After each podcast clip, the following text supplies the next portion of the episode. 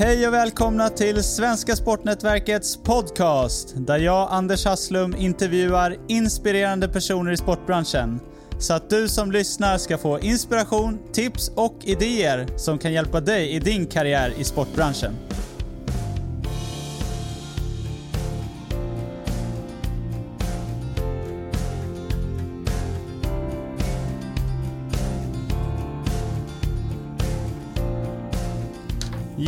Ja, då är det fredag och jag sitter här med Mattino Inosa. Yes, yes, yes. Hur är läget?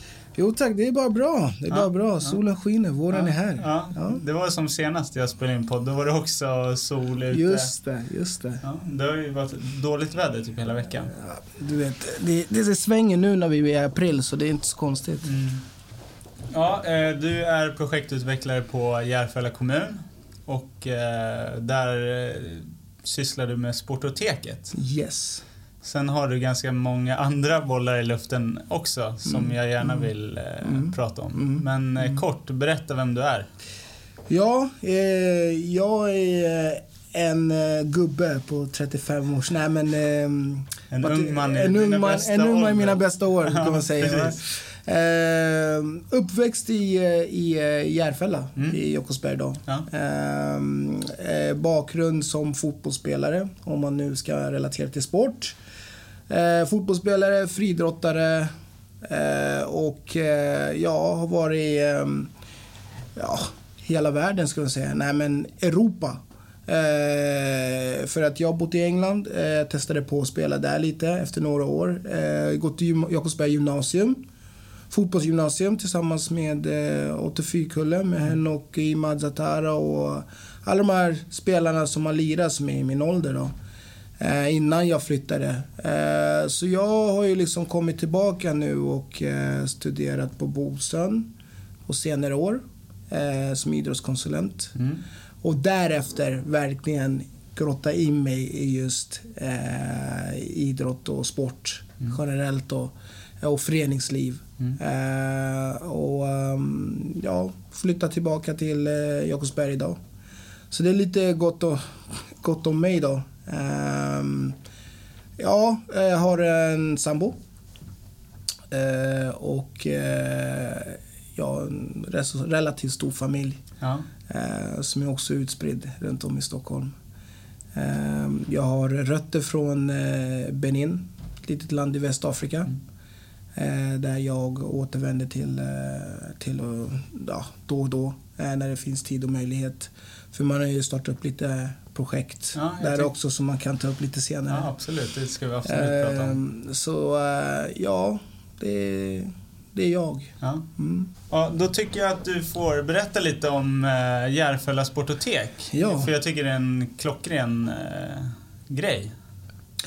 Ja, det, alltså det är verkligen en klockren och den kommer rätt i tiden. Eh, om man säger så. Eh, det är ju eh, det är, det är en idé eh, som har funnits i några år och eh, det började med, eh, jag tror det är Umeå och Luleå som, och Sundsvall, Mm. eh, de kommunerna eh, eller städerna där och kommunen där kom på idén att eh, kunna låna ut eh, sportprylar, eh, sportartiklar till eh, då allmänheten. För de som kanske inte har och, och liksom möjlighet för, att- för att kunna köpa in ifall man vill prova på en idrott och, Mm. och sådär. Så um, Järfälla kommun eh, gjorde då eh, studiebesök och eh, ja, tänkte då att, att det kanske kan vara någonting att införa då i, i kommunen för att ge då kommunmedborgarna en eh, möjlighet att kunna låna på samma sätt eh, kostnadsfritt.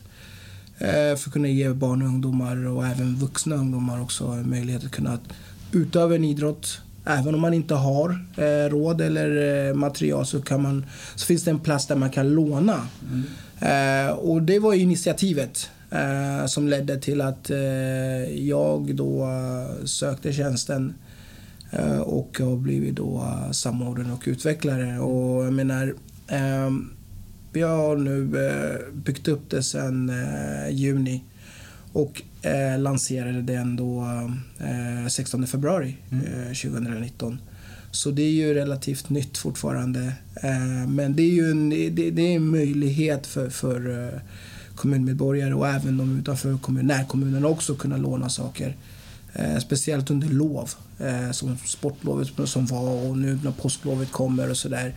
Så det finns alltid möjlighet att kunna låna saker kostnadsfritt. Eh, och sen så, det är ju en cirkel. Det är ju, tanken är ju att vi, vi, män, vi människor vi förbrukar ju väldigt mycket, vi konsumerar en hel del.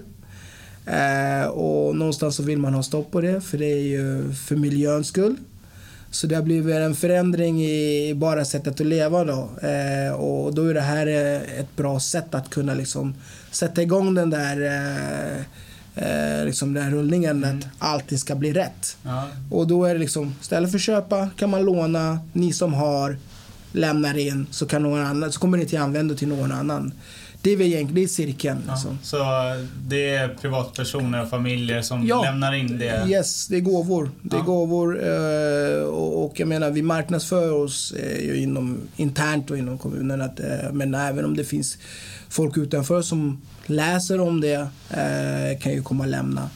För det kommer ju till användning. Mm. som sagt, det är ju, om man kollar på alla hushåll så har man någonting säkert som man inte använder. Ja, ja, jag kan komma så, på jättemånga saker. Exakt. Jag har inomhus eh, fotbollsskor, eh, utomhus jag har tennisracket, badmintonracket som jag inte använder nu. Ja, Efter jag eh, skadade mitt knä så har jag inte tagit upp de här grejerna igen.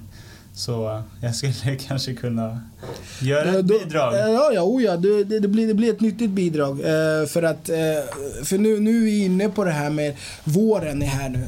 Uh, nu har vi varit, haft väldigt mycket fokus på exempelvis få in skidsaker under, under, uh, innan sportlovet mm. och sådär. Och nu kommer solen fram och det är liksom, då är det vårprylar. Ja. Och uh, jag tror nog, vad man nu har hemma så kommer det komma till användning ja. under sommaren eller, eller under våren framförallt. Och så. Så ja. det är ju, vi försöker, vi försöker få det till kampanjer. Mm. så man kan koppla det till säsong. Mm. Eh, så blir det mer attraktivt för, eh, för folk som vill låna. Men går ni ut med det här i skolor sen? Att det ja, här finns, eller? Skolor och föreningar mm. och eh, ja, alla kanaler som vi har då inom, inom kommunen är ju, ja. får ju höra om det och läsa mm. om det. Mm. Tidningen, och, alltså alla interna kanaler liksom. Uh, och eftersom det är ändå är ett, det är en verksamhet i kommunen så uh, bara det ger en stor effekt. Liksom. Det, det, det, går att hitta det ifall man letar efter det. Men skolor blir ju en viktig, en viktig faktor, ja. tror jag. Alltså jag tänker eh, viss eh, utrustning som eh, ishockeyutrustning, oh, alltså det kostar ju flera, flera tusen och om man ska, vill inkludera fler i sporten så måste den bli alltså, alla har inte råd helt enkelt. Nej. Och då blir idrotten exkluderande helt plötsligt. Så att det här är svinbra. Precis, och det är precis som du säger. Ishockey är ju en av de dyraste sporterna. Och det är också så att det är lite svårare att få in ishockeysaker. Just för att mm. eh, de kan man använda rätt så länge. Eh, och jag tror att sam i samarbete med ishockeyklubbarna och föreningarna så tror jag nog vi kan få i lite mer saker. Mm. För de har också något, något liknande. Eh, jag vet att JHC, då, Järfälla Hockey, har någon form av uh, öppettider och, uh, för allmänheten att komma och låna skridskor mm. exempelvis. och så där. Så Samarbete däremellan diskuterar vi nu faktiskt så vi får se hur, hur långt vi kommer där. Ja, mm. Intressant. Mm. Du sa att du eh, sökte jobbet. Hur eh, fick du reda på att det fanns? Ja, jag, jag, jag är ju eh, varit involverad i kommunen rätt så länge också ideellt. Mm. Eh, genom att eh, jag startade en förening där då eh, Söderhöjden Vasa då, IF mm. Söderhöjden Vasa 2011. Uh, och uh, det är tillsammans med vänner. Uh, när jag själv kom till Sverige 1990 så var det den föreningen som jag anslutade mig till, som mm mina mhm. föräldrar satt mig i. Och den var ju verksam då innan det blev, de slogs ihop och blev exempelvis FC Järfälla som är en av de större föreningarna i, i kommunen. Eh, och då försvann du IF Södra i den. Och eh, när jag kom tillbaka efter mina äventyr eh, så, så kände vi att vi kan ge tillbaka till eh, framtida generationer genom att starta den här föreningen så här, eh, liksom, igen. Mm. Som eh, har sitt säte i ett område i Jakobsberg som, eh, som alla kanske inte har möjlighet att kunna sporta på samma sätt. Då. Eh, så vi gick upp ett gäng och startade det och det är så jag var involverad i en hel del saker i, i kommunen och eh, få höra när det är eh, olika tjänster. Och den här, just den här tjänsten som Sportoteket, eh, Sportoteket det är ju en, det är en passande eh, ska jag säga, tjänst för det jag sysslar med. Mm. För det är ju, det, man börjar från scratch och man bygger upp det liksom. Så det är, jag har kollat på det rätt så länge och nu var det liksom läge för det. Så jag tror det var en vän till mig som nämnde det. Eh, och sen så läste jag det på nätet och, och eh, ja, jag är ju redan, jag, de flesta på kultur och fritid och eh, jobbar ju med de som sitter i olika nämnder så jag känner ju sen tidigare med tanke på att jag har föreningen och så. Så det är ju, ja, då, Kontakter? ja, då kontakter den Ja, vägen liksom. Ja. Så vad gör du där mer eh, konkret? ja, alltså. Som utvecklare och projektledare? Mm, det är ju det är mycket, mycket eh, alltså myndigheter och eh, de, de verksamheter som redan finns i kommunen. Som jag nämnde, exempelvis kultur och fritid. Jobba nära med dem. De som ansvarar för just Sportoteket, det är kompetensnämnden som jag sitter under då. Eh, och och, och eh, det är ju mer att ha möten, mer att planera, mer att få eh, lokalen liksom. Jag är ansvarig för de personer som jobbar med mig där då. Okej. Och låna ut sakerna och se till så att vi registrerar sakerna som kommer in och vi har ju en verkstad kopplat till det Mm. och personal där som eh, fixar sakerna. Eh, så det är samordna dem. Okej. Eh, ha koll på liksom, eh, de här olika kampanjerna som jag nämnde tillsammans med då de som sitter i kommunhuset och som har hand om kommunikation. Mm. Ha möte med dem och planera liksom olika event och så vidare. Som vi kan, vara, som vi kan delta i och låna ut saker. Så allting är ju internt i kommunen, vad man gör då med alla andra verksamheter. Så eh, det är samordna, samordna, samordna, samordna, möten och sådana saker. Men du, är du på plats också och Oh ja. liksom lånar ut de här skorna? Oh ja, oh ja, Eller oh ja. racket? Vi har ju olika, olika tider. Det är ju liksom, eh, vi har ju dag, vissa dagar som vi har öppet fram till 19. Okej. Eh, Det är öppet varje dag eller? Ja, det är öppet Ja. varje dag. Helg också? Eh, nej, inte, helg, Nej. inte än. Nej. Men, men det kommer komma. Ja. Eh, för vi kommer ju försöka då eh, vet du nu, eh, expandera och Mm. öppna på flera ställen eh, i, i kommunen Mm. då. Men, men just där jag befinner mig idag så eh, är det öppet varje dag och vissa dagar lite längre. Så jag är ju där varje dag. Ja. Mm. Men ändå tar du tid att ställa upp i podden? Ja, absolut. Ja. Det gäller att nätverka. Ja, eh, för jag vill ha in saker också. Ja. Så Ja. det är, Du har redan fått några av mig här.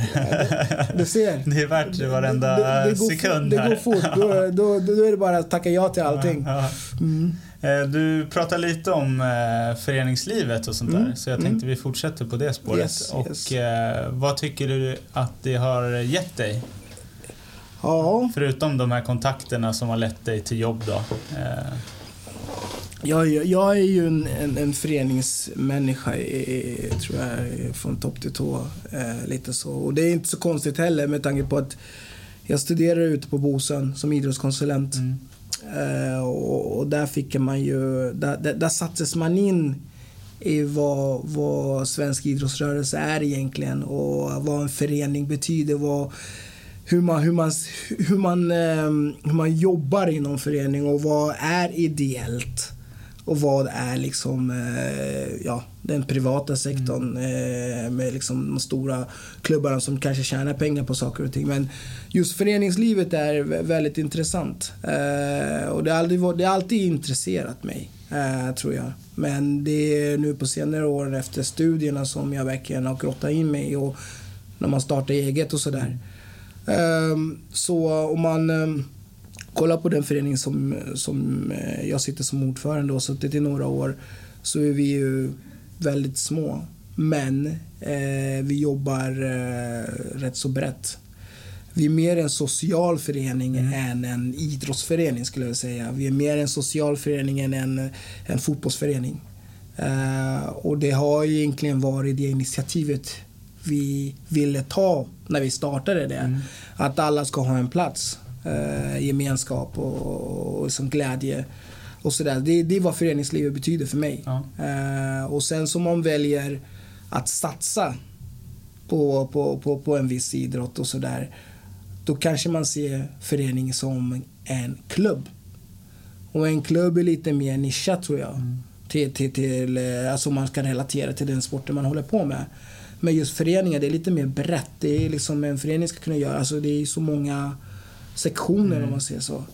Uh, och, och det, det är det som intresserar mig. Att, mm. När man pratar föreningsliv pratar man brett. Uh, pratar man en fotbollsklubb så pratar man mer, då, då är det mer smalt.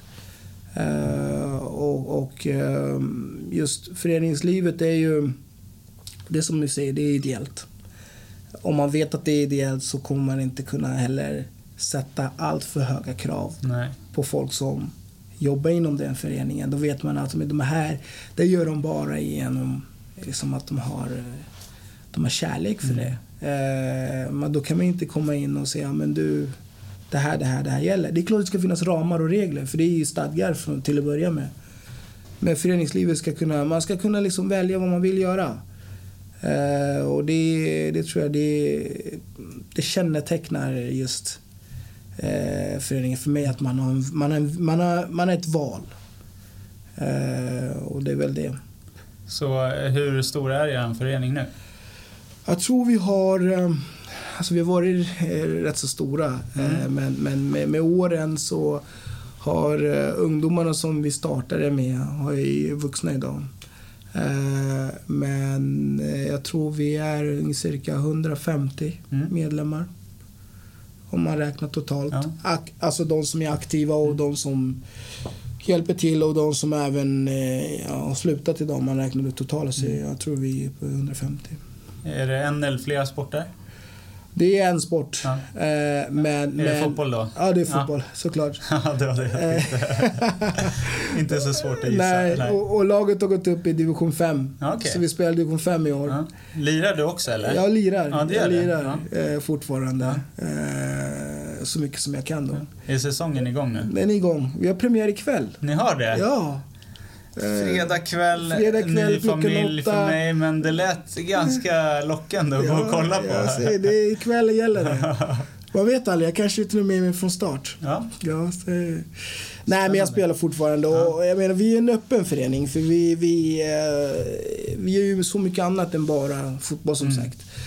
Vi har ju en kommitté som är kopplad till föreningen som heter Vasa Kultur. Så uh, vi, vi gör mycket eh, mycket saker eh, som, eh, som med ett socialt arbete i just det området. Så eh, om någon vill komma och starta någonting och vill exempelvis starta en eh, bandyklubb eh, så, så kan IF Söder Vasa hjälpa till med en sektion. Mm. Så kan det bli bandy eh, kopplat till föreningen. Eh, då behöver man inte börja om och starta allt. Det, det, det, är egentligen det vi har sagt från första början. att Vi finns här för er. Vill ni starta någonting så får ni komma och använda er av vårt namn. Liksom. Eh, och vi har ju haft så mycket saker. Eh, men det är svårt att hålla kvar ledarna. Mm. för att det är just det återigen till det här med ideella. När man ska börja diskutera det ideella just det här med att förklara för hur föreningen är uppbyggd och vad, vad som egentligen gäller. Jag tror det, det är det intresset som har gått ner lite. Ja. Mm. Det känns som alla har mindre tid att, per dygn och då måste man tyvärr prioritera bort vissa så saker. Är så är det. Så är det. Det har blivit så med, med åren. Liksom. Mm. Jag tror föreningslivet var mycket större för när Bingolotto var... Ja, verkligen. var, var enormt. då, då kunde man få en viss peng. Ja. Då visste man vad som liksom, eh, ja men vi ska sälja Bingolotto så kan vi få åka på den här kuppen. Ja. Idag så finns det flera möjligheter såklart att tjäna in pengar men jag tror att allt fler har så lite tid. Mm. Eh, Det är inte på samma sätt. Man måste övertyga folk nu, Ja. känns det som. Ja. Ja, jag, jag engagerar ju också mig i en förening och jag känner ju att tiden är knapp men man får så mycket tillbaks så att det är ändå värt det någonstans. Exakt så.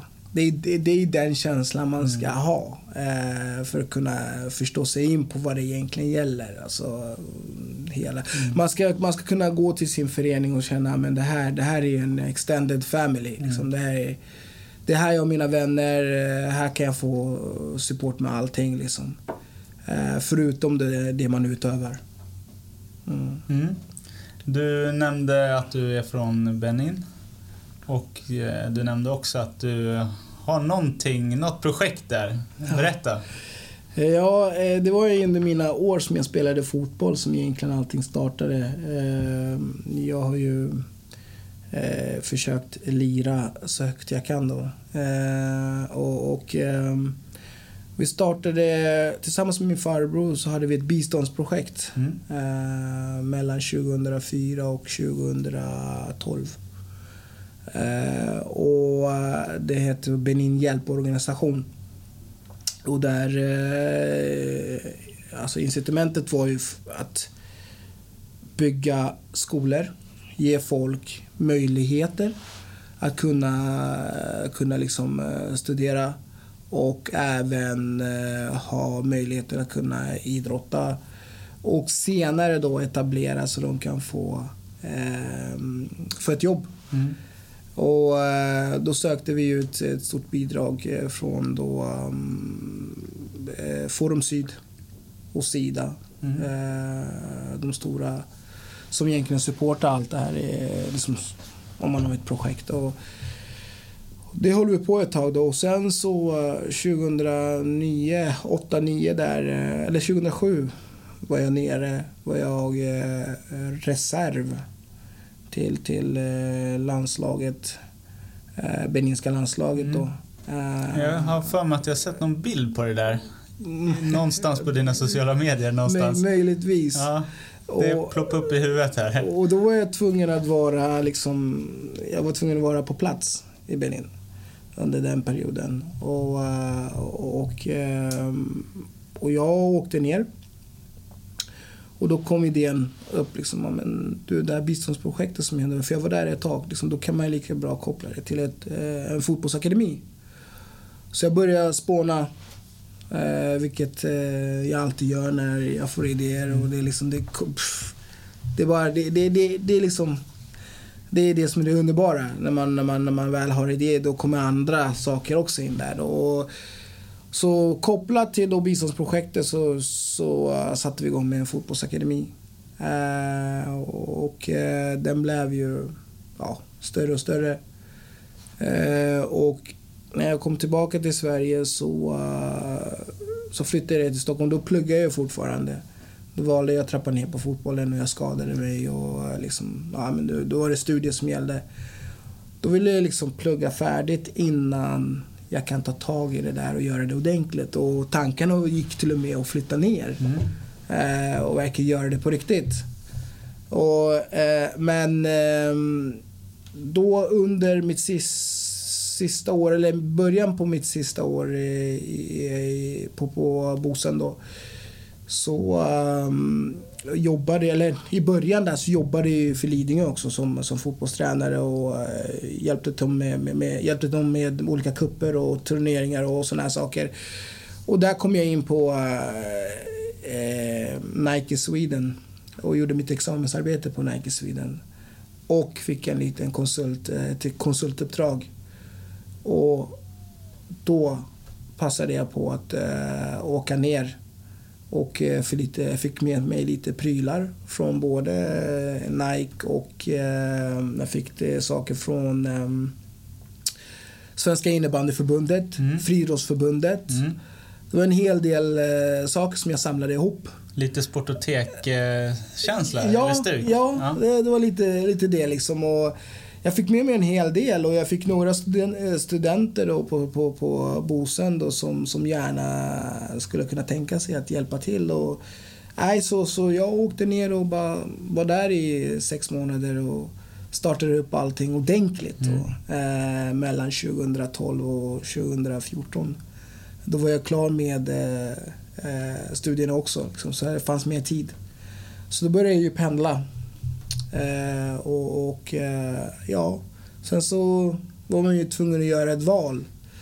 Antingen flyttar man ner och uh, gör det här på riktigt eller så uh, får man liksom återgå tillbaka till Sverige och uh, bygga upp ett kapital och jobba fortfarande med entreprenörskap och någonstans återvända till det i framtiden. Mm. Det var lite det som, som gjorde så att jag tog beslutet där. Men, ja, men det är bättre att återvända hem och bygga upp mig själv först innan man kan göra det ordentligt. För att det krävs ju att, det, att man är på plats när man, när man startar upp eh, liksom en, en fotbollsakademi. Nu är det inte ett biståndsprojekt längre.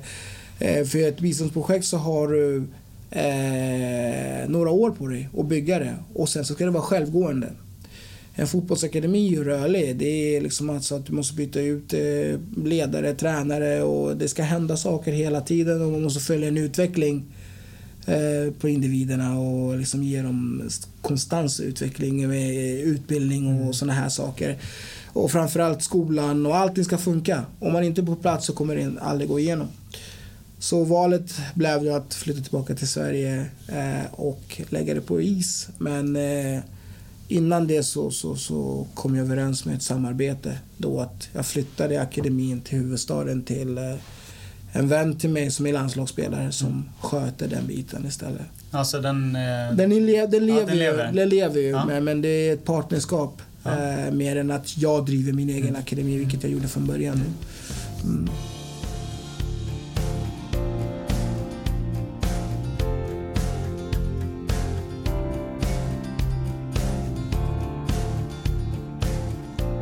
Du nämnde Nike Sweden. Det får du jättegärna berätta mer om. Ja, Nike Sweden. Eh, ja, det var ju mina år som jag, jag, jag studerade på Bosön som jag egentligen sökte för eh, ett examensarbete. Mm. Eh, och innan examensarbetet så var jag egentligen eh, anställd från IFK Lidingö. Som hade då ett sommarcamp eh, som hette Zlatan Camp mm. som de eh, jobbade, eller de hade då eh, under sommaren, eh, något år innan. Och eh, då fick jag huvudansvaret som då eh, camp manager mer eller mindre, eh, huvudledare.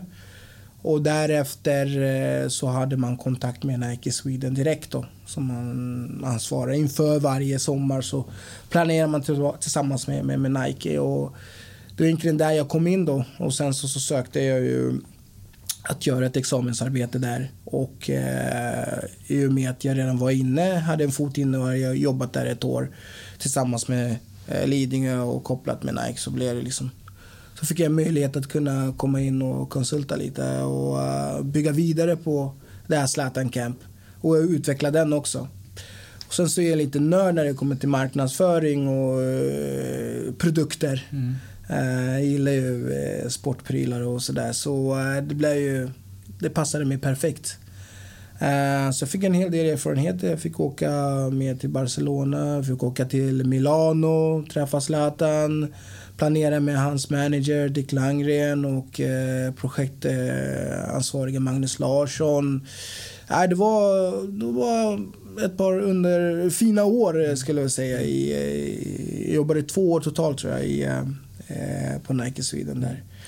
Du så. nämnde här i pausen att det har gett dig, eh, alltså, det är nästan din grund sa du? Ja, med tanke på att jag var, i sko jag var på skolbänken samtidigt så uh, jag sa ju alltid till, till, till mig själv så att det, det man studerar nu som idrottskonsulent uh, man kommer inte, färdigheterna kommer man få när man väl lämnar skolan.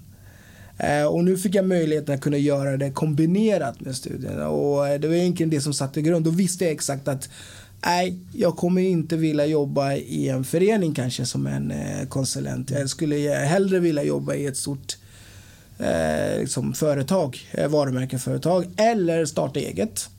Eh, så det formade lite vad jag befinner mig idag. Att jag hellre jobbar i ett projekt och bygger ett projekt mm. mer än att mm. jobba för någon. Eh, och det speglar egentligen eh, min personlighet också. Eh, gillar att starta upp saker, gillar liksom eh, entreprenörandan. Den, den, den tilltalar mig mer. Och eh, det insåg jag också när jag var på, på, på Nike att eh, man är, kanske är begränsad med tanke på att det är världens största varumärke. Jag menar vad finns det egentligen att utveckla? Mm. Men eh, det är bättre att man lär sig det och tar det bästa därifrån för att kunna bygga eget. Mm. Eh, och det är liksom strategier hur man jobbar och eh, liksom kravställningen och alla de här sakerna som, som gav mig en hel del eh, liksom, reality check liksom hur egentligen det ser ut. Så, um, ja, det är en svinbra utbildning liksom oh, ja. att vara på ett stort företag som absolut. är framgångsrikt. Absolut, absolut. Allting de gjorde liksom var liksom... Mm. Ja. Nej, det var, det var en stor erfarenhet ja. alltså. Eh, och det, det, det är stor skillnad till, till att, liksom att ta examen som, som idrottskonsulent och veta att man ska kanske sitta och vända papper i en förening ja. eller, eller göra allt i allo. Vilket är också otroligt viktigt. Eh, men det visste jag ju redan att det är därför jag Ja, det är en yrkesutbildning, det är det jag kommer göra. Men eh, kan jag göra ett eget val att inte vilja vara en förening, kanske sikta mot något större eller eget. Så var den där platsen som jag befann mig just att få vara i en Nike-miljö väldigt givande mm. uh, under de åren. Liksom. Så examensarbetet var från början? Ja, det var, det var, från, det var ju liksom Camp. bygga Zlatan Camp, okay. eh, utveckla Zlatan ja. Camp. Det var ju själva projektet, mm. eh, eller examensarbetet mm. då. Mm. Eh, och eh, det var ju allt ifrån att bygga övningar till att sätta ihop det till att göra, liksom ta det till nästa nivå. Um, och um, ja, jag fick ju klart det men uh, och sen så några år senare så la de ner mm. Zlatan Camp. Mm. Vet du varför eller? Jag antar att eh, Zlatan kom upp, eh, kom upp till, till åren och du vet, allting är ju kopplat med avtal. Mm. Eh, och sen så vet jag inte riktigt vad som, vad, vad som sades men jag antar att det, det är ju mycket tid och pengar också. Mm. Det kostar ju en hel del för Nike att eh, bedriva sådana där verksamheter. Mm. Uh, och, och uh, ett varumärke är ju liksom det är kopplat till marknaden hur det ser ut. Det går ju upp och ner hela tiden. Mm. Så, ja. Men det var ju bra. Eh, Zlatan är ju den största fotbollsspelaren vi har haft. Så jag menar, om det är någon som ska göra ett camp och man ska satsa på så var det ju han. Mm. Och det var rätt i tiden tror ja. jag.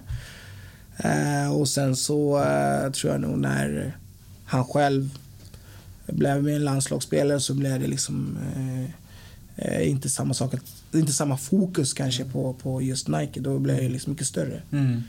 Så det var lite innan? Eh, ja, det var, det var innan, det var innan han, han ja, slog alla rekord och, okay. och sådär. Det här var mellan eh, 90, nej, först, 2007 ja. och, och 2012, 13. Okay.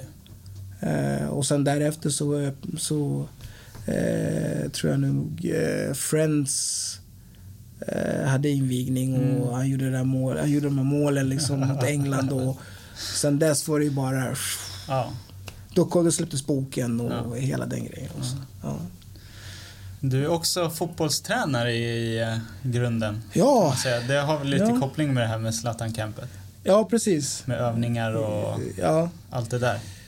Ja, jag fick ju, eller ja, när jag insåg att jag inte skulle bli ett proffs, ett riktigt stort proffs då, så, så uh, tror jag nog att man börjar fundera i andra banor. Och uh, ledarbiten har alltid funnits där ändå för de flesta lagen som man har spelat för Uh, har man alltid varit någon form av ledare. Uh, alltså inofficiell ledare mm. eller så har man fått kaptenbindeln och sådär. Så ledarskap har alltid funnits där. Um, och sen att man får förtroendegivande poster som ordförande mm. och uh, liksom um, får driva projekt och sådana där saker. Det tar, ju man, det tar man med från sporten. och, och, och um, att vara tränare är ju just den biten, mm. att man får leda andra eh, och vinna deras förtroende. Mm. Så det har alltid funnits där på något sätt. Eh, och jag fick eh, möjligheten att kunna liksom, eh, jag var tränare i Lidingö i några år. Eh, tränade liksom pojkar 90 96 och uppåt. Mm. Eh, hade liksom flera saker i föreningen. Men det var ju en av de största föreningarna, eller det är en av de mm. största föreningarna i, i Stockholm och i Sverige rent eh, breddmässigt. Så det var ju en perfekt klubb att börja mm. på. Och därefter så har jag liksom, eh, som sagt, jobbat med allt möjligt mm. eh, för att överleva efter examen och sådär. Men tränarbiten har alltid varit en del av, av, av, av eh, tjänsterna som jag haft. Mm. Och jag fick möjligheten 2013 att ansluta mig till den absolut största och det är Brommapojkarna. Eh, som en elittränare. Men, jobbade ihop med en, en god vän till mig som jag, som jag pluggade med också på Bosön som heter David Eklund. Mm. Eh, och hade en, eh, en akademichef där eh, som heter Ola Larsson som gav mig den möjligheten. Mm. Och eh, att komma från en, en, en, en mer eller mindre breddförening som Lidingö som var på väg in mot eliten och hade både och men till den absolut, absolut största akademin som BP. Eh, och eh, bara det varumärket de har för, för deras ungdomssatsning mm. och sådär är ju enormt. Så det var ju liksom, nej, det var wow. Och då måste man ju direkt komma in här på den här nivån mm. när man får den möjligheten. Mm. Och jag tror, eh, ja, fantastisk utveckling där. Som, som både ledares person och tränare. Alltså det var, det var grym grupp. Som man, trä, alltså, tränarsammansättningen som fanns på alla ålderskullar var fantastisk. Man lärde sig från alla liksom. Eh, så det var, det var fina år. Eh, eh, så jag var tränare där mellan 2013, 14, 15 eh, och, och eh, slutade då 16 då. Mm. Eh, men kom tillbaka och gjorde, fick ett uppdrag där då 2017. Körde ett år till då okay. med, med en ålderskull. Mm. Um, ja, så, det var, så jag har fått erfarenheter därifrån mm. också. Uh, och som, som tränare då. Och um, mellan 2017 och 18 där så uh, anställdes jag, fick jag möjlighet att bli anställd i Hammarby. Mm. Så lämnade jag BP och gick in till Hammarby och körde som team manager där. En annan roll. Då mm. blev det inte samma sak att vara ute eh, på fältet. Då är det mer uh, allting kring, kring saken och ta hand om spelare individuellt och sådär. Okay. Ja. Så, uh, mer uh, lite rådgivning då eller? Ja, det var ju mycket rådgivning, skola och de här bitarna som, mm. som var viktigt för att eh, spelaren ska kunna liksom leverera okay. eh, både på och utanför planen och mm. ja, hjälpa tränarna eh, framför allt då. Eh, är, så jag var ju liksom spindeln mellan då tränare, spelare och, och, och eh, ledningen då, mm. Eh, vilket var då kallades för akademiråd. Mm. Så det var ju liksom, det var, det var stor erfarenhet från att vara tränare till att komma och få en sån här roll i mm. Hammarby. Ja, så du klättrade från Lidingö till eh, Till BP, och från sen, BP till ja. Eh, Hammarby. Så jag har ju fått, eh, ja, jag har fått en bra resa inom, inom eh, föreningslivet ja. och framförallt inom fotbollsbranschen eh, där man har fått en hel del erfarenheter. Är du tränare nu också? Nej, Nej. Nu, nu är jag inte tränare längre. Mm. Eh, men man är ju involverad ändå på något sätt. Ja. Ja. Mm. Jag tänkte vi skulle prata lite om det ändå. Ja. Du är rådger, eller vad, ja. vad säger man? Ja, är, du har ju följt några spelare genom åren precis, kan man säga. Precis. Och har gett råd till eh, precis, några av dem. Precis. Eh, och det, det, det, det är kopplat med att man, man ändå har varit tränare. Jag är ju tränare de här, eh, några av de här spelarna som är seniorer idag. Mm. Eller på väg att kliva in i senior mm. eh, som eh, den nya karriären som, som de har haft som ungdomar. Det är inte samma sak när man kliver in på seniornivå. Eh, och eh, däremellan så har man alltid en bra tränare som som har hjälpt en hela vägen rent fotbollsmässigt och sen så även utanför planen också. Och det är där jag har nog hjälpt en hel del spelare som som idag slår igenom och så. Eh, men ehm, det är ju, det, det är ju, jag har ju varit scout också åt, åt en agentur i, i, i England. Mm. Eh, fotbollsagentur då. Ja. Eh, och där har man bara scoutat och sett vilka spelare som, som är framåt i deras ålderskull Mm. och, och så vidare. Och jag menar, rådgivning har alltid väl funnits där som Mm. coach. Ja, som, ja, precis. Eh, Ledare och coach. ledare och ja. coach. Och, och sen så att man går in mer i detaljer på, på att eh, hjälpa spelare på andra eh, liksom, vägnar och, och så. Det är klart man kan göra det, Mm. men eh, oftast när de är eh, vid de åldrarna så är det ju föräldrarna som, som styr allting. Mm. Och, eh, så jag har mer varit en coach ska jag säga. Mm. Eh, och hjälpt till med, med, med fotbollen, vad som är rätt. Äta, sova rätt och sådana här bitar. Ja. Det är väl det. Så det är mer det än så här, tänk eh, långsiktigt. Gå inte till den här klubben eller till det där, tänk så här, så här. Är det mer liksom Ja, det- vardagliga? Det, det, exakt. eller både och? Nej men det är både och. Mm. Det är både och. Eh, och jag tror allting har med liksom vad, vad spelaren själv vill. Eh, det är klart att de, de bollar med, Mm. med, med en och så. Men eh, valet kommer ändå att hänga på dem och deras föräldrar Mm. och vad det nu är. Men vissa som jag ändå har tränat har man ju en annorlunda relation till. Ja. Eh, och det är en långvarig relation som, som liksom, eh, finns där. Så de kanske har mer förtroende för att bara ställa en sån fråga. Ja, men vad tycker du? Så. Mm. Men det, det minsta jag kan göra det är ge ett, ett råd vad jag tycker. Men Ja. sen så är det valet upp till dem. Mm. Men det har gett mig en hel... Jag har vuxit i det. Att jag fått, få- att fått att hjälpa till Ja.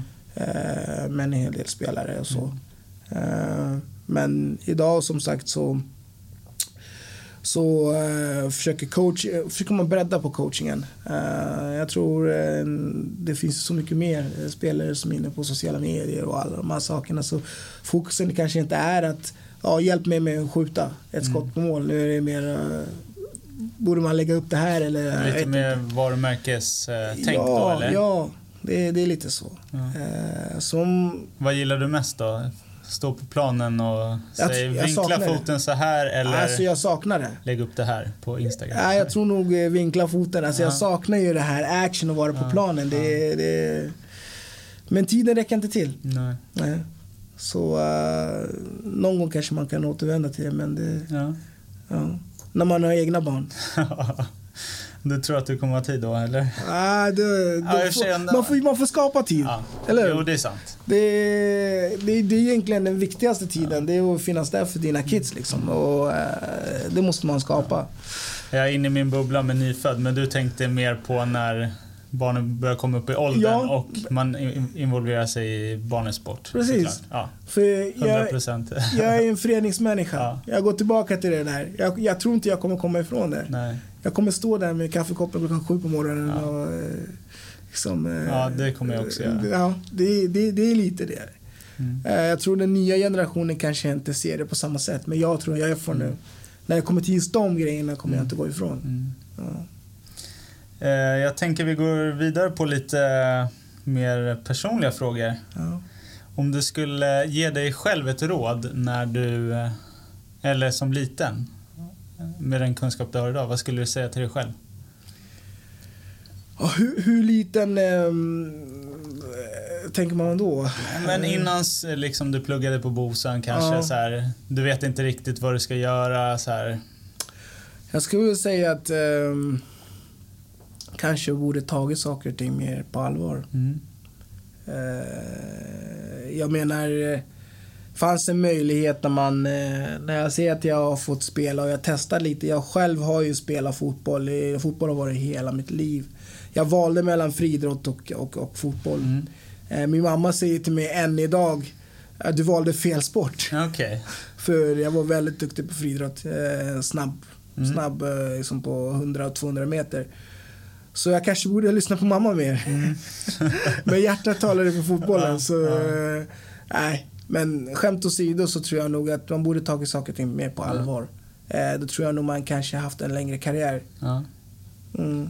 Då hade du kanske inte suttit här. Det kanske, nej precis. Det, så det är ju, det är ju Du hade blandat. fått välja mellan att vara proffs eller sitta här.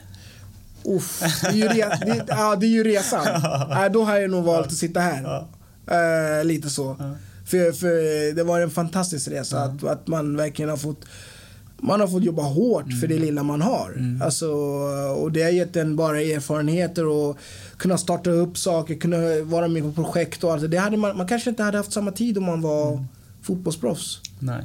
Ehm, så jag, jag tror nog nej. Mm. Det, jag hade valt att sitta här faktiskt. Ja. Har du något råd till andra eh, sportentreprenörer eller någon som vill starta något inom sportbranschen? Alltså, mitt råd eh, det är att, att verkligen eh, ta vara på möjligheterna. Att, att eh, verkligen se möjligheterna. Har man, en- har man idé, eh, det behöver inte vara klart idag. Men ta möjligheten och bygg vidare på det. Eh, och ett annat råd är att man ska försöka göra... Man, det är klart man ska ha fokus på en sak, självklart. Men det är inte fel så som eh, många brukar säga, ja du har för många bollar i luften eller du gör för mycket saker. Men jag brukar tänka så här. Ju mera bollar jag har i luften, desto mera eh, chans har jag att någon av dem trillar Ja, rätt. ja. Det är lite som med skjuta in? investeringar liksom. Exakt. Exakt. Och sen är det så här, det problemet som alltid varit när man har startat massa, upp massa grejer och försöker så det är att kapital inte finns direkt. Men när man kämpar och eh, leker med alla, eller liksom jonglerar de här bollarna så kanske en trillar rätt och då får man kapital till att bygga de andra. Mm. Så eh, alltså kreativitet det skapar man för sig själv. Ja. Eh, men man ska aldrig låsa sig från det liksom. Och det är klart man ska ta råd, man ska lyssna. Men det är fortfarande ens egen, liksom, ens egen vilja och, som kan ta en dit man vill. Eh, så rådet skulle vara till folket som, som vill göra det här att Följ, följ eh, ditt hjärta liksom, och eh, dina egna tankar. Eh, för entreprenörskap är så. Man ska följa sitt eget. Man, man, har, vi pratade om det tidigare idag när vi satt vid lunchen, att man inte har en titel. Eh, och det har alltid varit eh, mitt mål. Mm. För när jag var yngre så Självklart som mina föräldrar, du måste plugga, du måste göra syd, du måste, göra, du vet, Ja. måste lägga fokus på det. Men det har aldrig varit liksom tanken att jag skulle kunna ha ett jobb. Jag trodde jag skulle bli fotbollsproffs. Mm. Men idag går jag runt med strävan att aldrig ha en titel. Mm. Jag ska inte ha en titel. Nej. Jag vill gärna vara fri och kunna göra flera saker. Mm. Eh, man ska inte hitta mig på ett ställe. Man ska, liksom, jag, jag har startat massa Mm. grejer. Och det, det, är liksom, det, är min, det är mitt sätt att leva. Eh, entreprenör utan titel. Mm. Och det, det är väl lite det. Ja, det låter som en boktitel nästan. Nej, Kommande bok ja, från dig. Eller hur? Ja. Har du något tips på en, apropå böcker då? Eh, någon bok du har läst som har hjälpt dig i din karriär eller någon blogg eller någon Ehm. person, någon mentor liksom? Som Jag skulle säga det, alltså, jag, jag har läst många böcker men ingen så här, eh, som, som, jag kommer, som jag kommer ihåg här. Men Nej. en bok som, som verkligen touchade mig väldigt mycket nu senaste åren här. Det är Klas Ingessons bok. Mm. Eh, det har gett mig perspektiv på att man verkligen inte ska lyssna på folk om man har någonting, för man vet ju aldrig när en sista dag kan vara eller sådär. Så att det är bara att köra. Mm. Det är bara att köra. Och, eh, det är väl en bok som har gett mig inspiration med just böcker som jag läst för att liksom, eh, bygga, bygga projekt och så vidare. Det, ja, det, var en, det är en hel del. Eh, men, men eh, nu har jag inte det i huvudet. Ehm, Om du kommer på sen kan jag skriva ner i artikeln yes. efteråt. Yes. Eh, perfekt. Hur ser framtiden ut för dig? Kör du på med alla projekt? Ja, nu har jag ju betat av eh, projekten. Nu ligger det många projekt på, vi, eh, på i vilandes Ja. eh, för att lägga fokus på eh, Sportoteket och att, Mm. att etablera, etablera det då. Mm. Eh, framför allt. Eh, och, och sen så är ju drömmen fortfarande att eh, bygga en sport, ett sportcenter kopplat till den här fotbollsakademin Mm. som jag liksom har redan startat Ja. sedan många år tillbaka. Eh, och, och, och, drömmen är att det sportcentret ska vara kopplat till liksom, eh, utbyte i form av att man kan ha studenter som är som studerar till eh, idrottspsykologi eller, mm. eller eh, sjukgymnaster kan åka ner till ett sportcenter som jag har någonstans i Afrika som mm. kan ge de studenterna en, eh, liksom någon form av utbyte mm. Samtidigt som man bygger upp någonting. Eh, det är, det är drömmen. Så ja. det är egentligen framtidsplanen att när det finns kapital, det finns folk som kanske delar samma dröm mm. så kan man göra någonting. Eh, och jag ligger väldigt lågt med det med tanke på att det är, jag tror det är långt ifrån. Men mm. det finns i bakhuvudet. Ja, jag kom att tänka på någon eh, som skrev till mig på LinkedIn. Just, det är någon som startar någonting i något land i Afrika. Jag ska, jag ska kolla upp det. Mm. Kanske kan vara något. Precis. Var kan man skapa kontakt med dig på sociala medier? Ja, det är väl LinkedIn. Mm. LinkedIn så, så finns jag. Mm. Eh, och, och, eh, och, sen så finns jag på, på Twitter Aha. till och från. Eh, Instagram är ett låst konto. Eh, men, men jag försöker finnas eh, på, på, på professionella eh, länkar och det, det är LinkedIn. Mm. Så som man kan, man kan nå mig liksom. Ja. där kan man också se det, det, det man har sysslat med. Liksom. För man, får man vill ställa de, de frågorna. Ja. Liksom. Mm. Vem tycker du jag ska intervjua härnäst? Har du någon spontan eh, person i huvudet? Ja, Ola Larsson. Ola Larsson. Ola Larsson, Hammarbys eh, mm. tekniska direktör. Ja. Ja, han har ju varit på nätverksträffarna och det där. Ja. Back in the days. 2015 ja, kanske? Vi var, vi var, ja, ni var ja, väl tillsammans? Ja, jag hade med honom ja. där. Ja, jo, jo. Ja. Han, han har grymma grejer. Ja. Han, är, han är grym. Mm. Det, Ska jag försöka få med honom? Ja. ja. Det är lite... Det är en fantastisk människa. Ja. Underbart. Då tackar jag så jättemycket för din tid Tack och själv. Eh, få ta del av dina erfarenheter. Tack för att du fick komma. Ja. En upplevelse. Ja. Det ska bli riktigt kul att följa dig eh, framåt. Ja. Tack så mycket Anders. Tack. Tack.